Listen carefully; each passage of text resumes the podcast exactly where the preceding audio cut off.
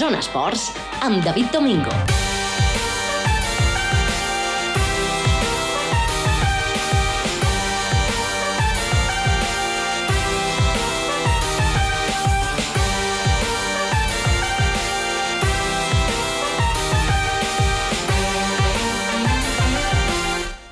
Vespre, com estan benvinguts a una nova edició del Zona Esports d'avui, dimarts 17 d'octubre de 2017, on tindrem el bàsquet, en concret el Morabanc Andorra com a gran protagonista. De fet, poc menys de mitja hora falta perquè arrenqui aquest partit d'Eurocup, segona jornada per al Morabanc Andorra.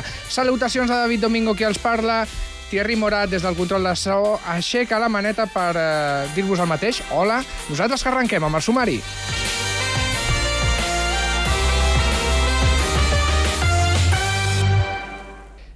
Som-hi, parlem, avui parlarem de diferents qüestions, eh, però sobretot eh, estarem centrats en el bàsquet, en aquest compromís, com deien, que el Morabanc Andorra juga contra el Fiat Turí, primer desplaçament de l'Eurocup, un partit que ens aproparà a través de la sintonia de Ràdio Nacional el company Òscar Merino, amb el que connectarem d'aquí no res. També altres cosetes tindrem en el programa, parlarem de rugby, escoltarem a Josep Magallón, el seleccionador nacional dels Isars, no és l'únic, perquè ell fa tàndem amb Peter Lucas al capdavant de la selecció. S'estrenaran tots dos el dissabte en partit contra Israel, partit de l'europeu. També serà el primer partit d'aquest europeu amb un format anual que des de la passada edició ha posat en marxa Rugby Europe. També parlarem de futbol, de Coldo Álvarez, el seleccionador nacional, que de moment no ha renovat eh, per la federació, no ha renovat amb la federació i es manté la incògnita de si estarà al davant de la selecció en la propera fase de classificació. Tot indica que sí. L'únic que ha fet, o el que sí que ha fet Coldo Álvarez, és analitzar, fer balanç d'un premundial 2018 que va acabar la setmana passada amb derrota a Letònia, però que ha estat positiu i fructífer des de feia molts anys no puntuava la selecció de futbol i ho ha aconseguit en aquest premundial. Escoltaran a Coldo Álvarez. Tot això des d'ara i fins a dos quarts de nou, una mica abans ja acabarem al Zona Esports perquè el company Òscar Merino ens apropi la darrera hora d'aquest Fiat Turí Morabanc Andorra. Nosaltres que arrenquem precisament parlant amb el narrador d'aquest partit.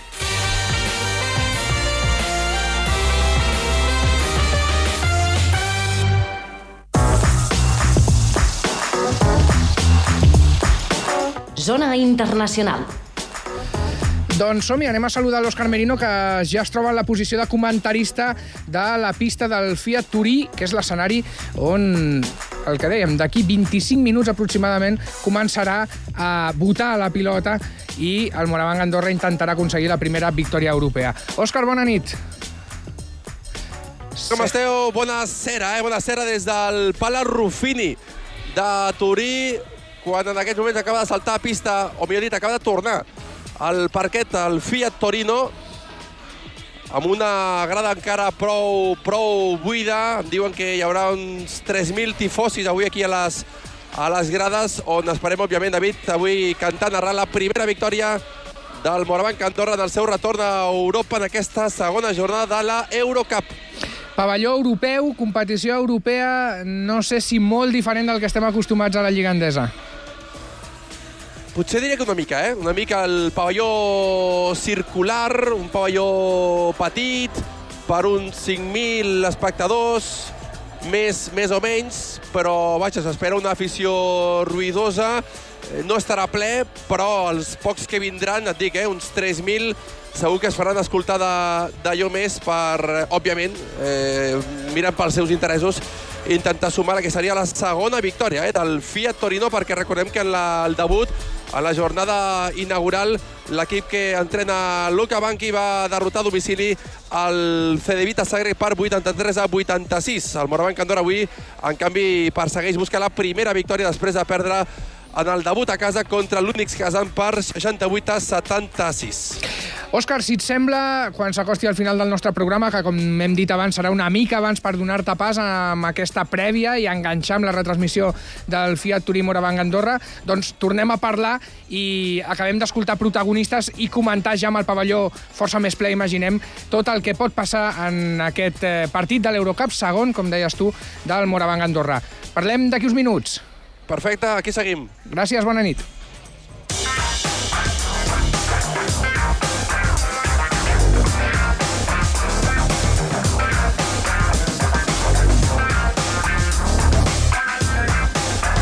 Zona Actualitat.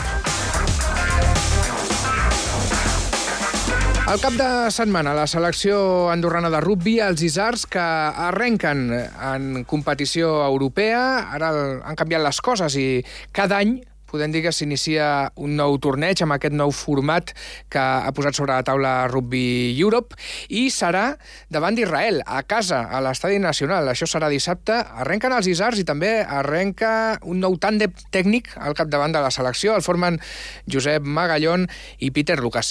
Anem a saludar el Josep Magallón, que avui doncs, ja ha presentat convocatòria per a aquest duel davant d'Israel. Maga, bona nit.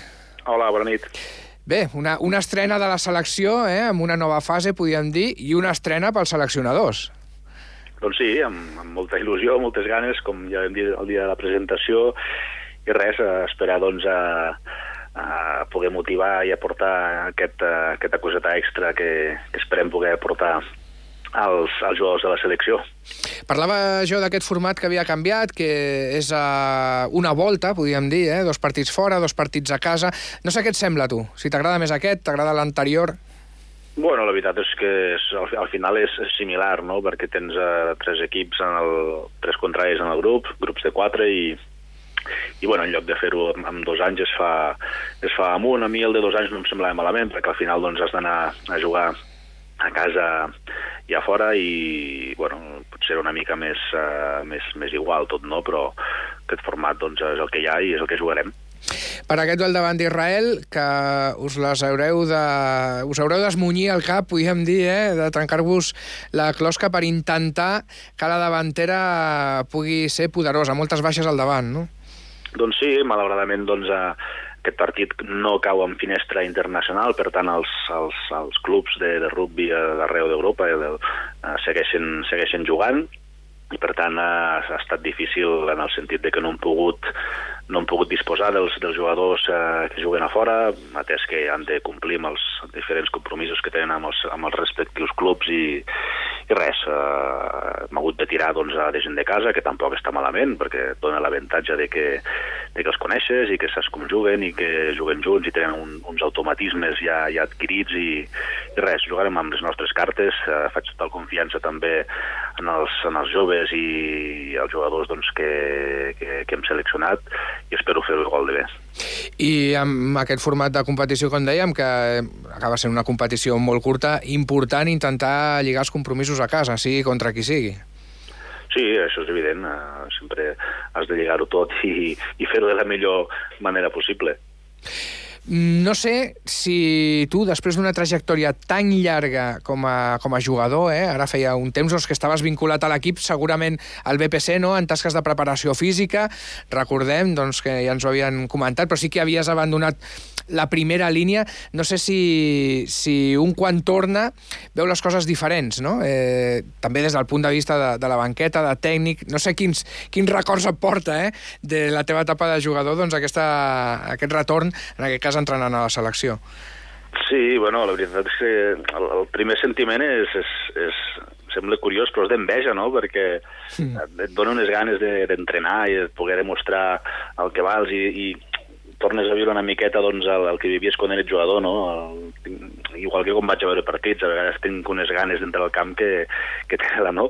Però, però bueno, mira, la, la, la meva etapa com a jugador doncs, s'ha acabat, m'he dedicat a la meva família, que és, que és el que en aquests moments importava, i res, eh, ara mm, se m'ha donat l'oportunitat doncs, d'entrar a l'organigrama de, la, de la federació com a seleccionador, ho he acceptat de bon grat i amb il·lusió, i espero doncs, aportar aquesta experiència i les meves vivències en els jugadors eh, més joves i que, que entenguin que fer part de la selecció doncs, eh, és un honor, és un privilegi i no tothom doncs, eh, té aquestes facilitats per fer-ho com ho tenim a Andorra i penso que s'ha d'aprofitar i donar la millor cara possible. És un tòpic, eh? No sé, es, es diu moltes vegades, eh? Es diu, no, és que els jugadors són molt egoistes, ara que estàs tu a l'altra banda, sí. penses en això? Passa? Sí, bueno, com deies, ara que estic a l'altra banda, és veritat que em dono compte de que la feina de seleccionador doncs, no és tan fàcil com, com em pensava, perquè realment has de, has de fer malabarismes no? a vegades per, per, per aconseguir tenir un, un equip doncs, que compleixi amb, amb, amb totes les condicions i, i amb garanties i bueno, han sigut ara uns dies bastant complicats, eh, bastanta lluita, eh, és, és complicat, no?, tot plegat, però, però bueno, ja, ja m'esperava que tampoc seria i fer polles, i mira, eh, si s'ha de posar si s'hi ha de posar hores i si si, si posem ganes i, i no hi ha cap problema. Maga, per tu i pel Peter, eh, que el tenim present, eh? El tenim present allà, allà al teu costat. Ell també torna, eh, després de, de temps allunyat eh, de, de la primera línia. Per tots sí. dos i pels Isars, molta sort eh, per aquest partit de dissabte, que per cert nosaltres estarem allà com sempre. Que vagin bé les coses en l'estrena. Doncs molt bé, moltes gràcies. Bona nit. Bona nit. Zona Tècnics.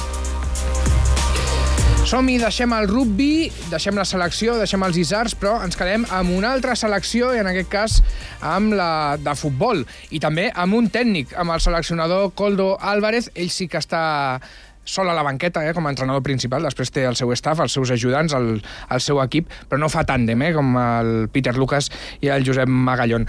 Un Coldo Álvarez que acaba etapa una més, eh, una fase de classificació més amb la selecció de futbol i que ara el que té per davant és, el primer de tot, renovar compromís amb la federació. Va signar la darrera renovació per dos anys, això més o menys va així, de fase de classificació en fase de classificació, i de moment va acabar la setmana passada al Premundial 2018, doncs no hi ha renovació automàtica, ho podem dir d'aquesta manera. Això sí, les coses estan ben encarades. El tècnic se'n va uns dies a un, fer unes tasques de formació a l'exterior i segurament després d'aquest parell de setmanes en què estarà fora, quan torni, es pot començar a abordar l'assumpte de la renovació d'un Coldo Álvarez que ha aconseguit el que no havia aconseguit Andorra amb més d'una dècada, que és tornar a puntuar, recorden aquella fase de classificació per al Mundial del 2006, 5 punts va aconseguir Andorra amb la primera històrica victòria davant de Macedònia. Doncs bé, des de llavors fins ara havia estat això un solar, com a mínim, a nivell de puntuar en una fase de classificació. Coldo Álvarez ha fet balanç d'aquest premundial, ni una paraula de la renovació, però com diem, els quatre punts aconseguits en aquesta fase de classificació, també altres qüestions que comentarem després, indiquen que estarà al capdavant com a mínim dos anys més amb la selecció, amb el combinat nacional. La federació segur que està per la labor, falta saber doncs, si arriben a un acord que jo ara mateix penso que serà senzill. De moment, del que ens quedem del que ens deia Coldo, doncs que a casa Andorra ha estat un equip molt competitiu hem encaixat molt poquets gols, això no s'ha donat per estar vius durant molts partits i fins al final de molts partits. I crec que és algo que, que s'ha guanyat. En canvi, quan la selecció viatja a fora, doncs no hi ha l'estadi nacional, no hi ha aquesta gespa artificial que tant agrada als rivals, ja mantenen la ironia, i no hi ha eh, doncs, aquestes armes que Andorra pot utilitzar i que fa servir molt bé s'han encaixat golejades sense anar més lluny aquest 0 a 4 en què es tancava la fase de classificació la setmana passada a Letònia, segurament inesperat. I això és el que creu Coldo que s'ha de millorar. Escoltem-lo només hem tingut estones, només en un partit hem sigut capaços de ser competitius, un capaços de, de bueno, d'estar fins al final dintre del partit, que és el d'Illes Feroe, es va perdre també a l'Esferoe, de fet no s'ha aconseguit puntuar fora de casa, però sí que és veritat que es va estar molt més a prop del rival. El que ha fet Andorra i ho ha fet molt bé, i Coldo algun mèrit ha de tenir en aquest aspecte, és començar a donar entrada a jugadors que han de ser importants i que ja ho han estat en aquesta fase, en aquest premundial. Estem parlant de gent jove, de gent que ha començat a agafar protagonisme.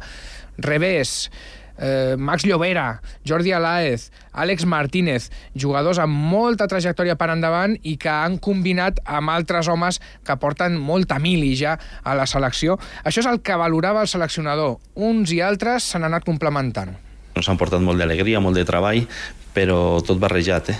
amb l'experiència dels més grans que les han fet estar puesto molts dies i saber patir, saber ensenyar-les a patir, que és algo que, que en aquesta selecció també l'hem de saber fer. I l'altre argument, dèiem, un argument pel qual es pot pensar que Coldo renovarà, doncs home, que s'han assolit objectius, aquests quatre punts.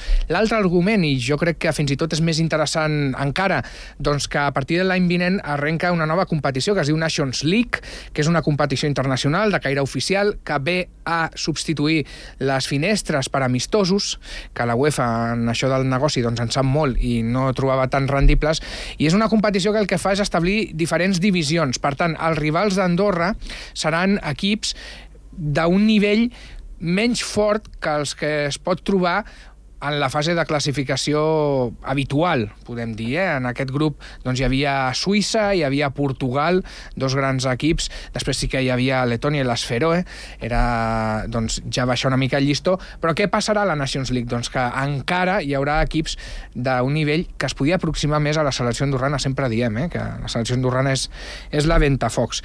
A més, serà una competició que donarà premi i donarà places per estar en fases finals no sabem si Andorra pot arribar a assolir aquest premi. Seria, vaja, seria un miracle però hi lluitarà, estarà allà.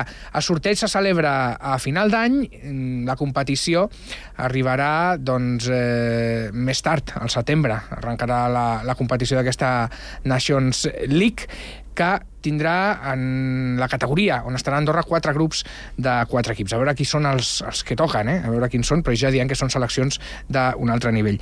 Coldo parlava precisament d'aquesta Nations League com un repte, també com una oportunitat. La propera competició crec que serà un toque o una, una molt bona experiència per tots, no? amb equips que, que possiblement no siguin a un nivell superior a nosaltres, però que, que nos, nos donguin la, o nos, doni, nos toquin una proposta que, que nos doni per millorar aquest aspecte. No? Jo crec que és algo que, que nos vindrà molt bé i que, que l'hem d'intentar aprofitar. Zona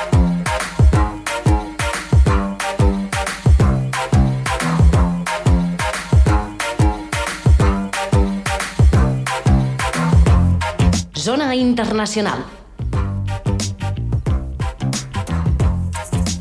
Som-hi, abans de viatjar cap a Turí, un apunt que també té a veure amb una competició internacional i és que Andorra, això ja, ja ho vam comentar en aquesta casa aquest estiu, tindrà l'any vinent un campionat del món de mountain running. És una disciplina sota el paraigües de la IAF, de la Federació Internacional d'Atletisme, que podríem dir que està a cavall entre el cross i les curses de muntanya. És una competició que arribarà a Andorra per primera vegada. La Federació Andorrana d'Atletisme s'ha fet càrrec d'organitzar aquest campionat del món i ja tenim data, 15 de setembre de 2018 a Canillo, una cursa, de moment coneixem pocs detalls, 11,7 quilòmetres i 1.110 metres de desnivell aquí hi haurà doncs, els millors exponents a nivell internacional de molts països eh, d'aquesta disciplina que, com diem, doncs, segurament estigui entre el cross, no és tan pla com un cross, i les curses de muntanya. Igual, potser, no és tan dur, tot i que, déu nhi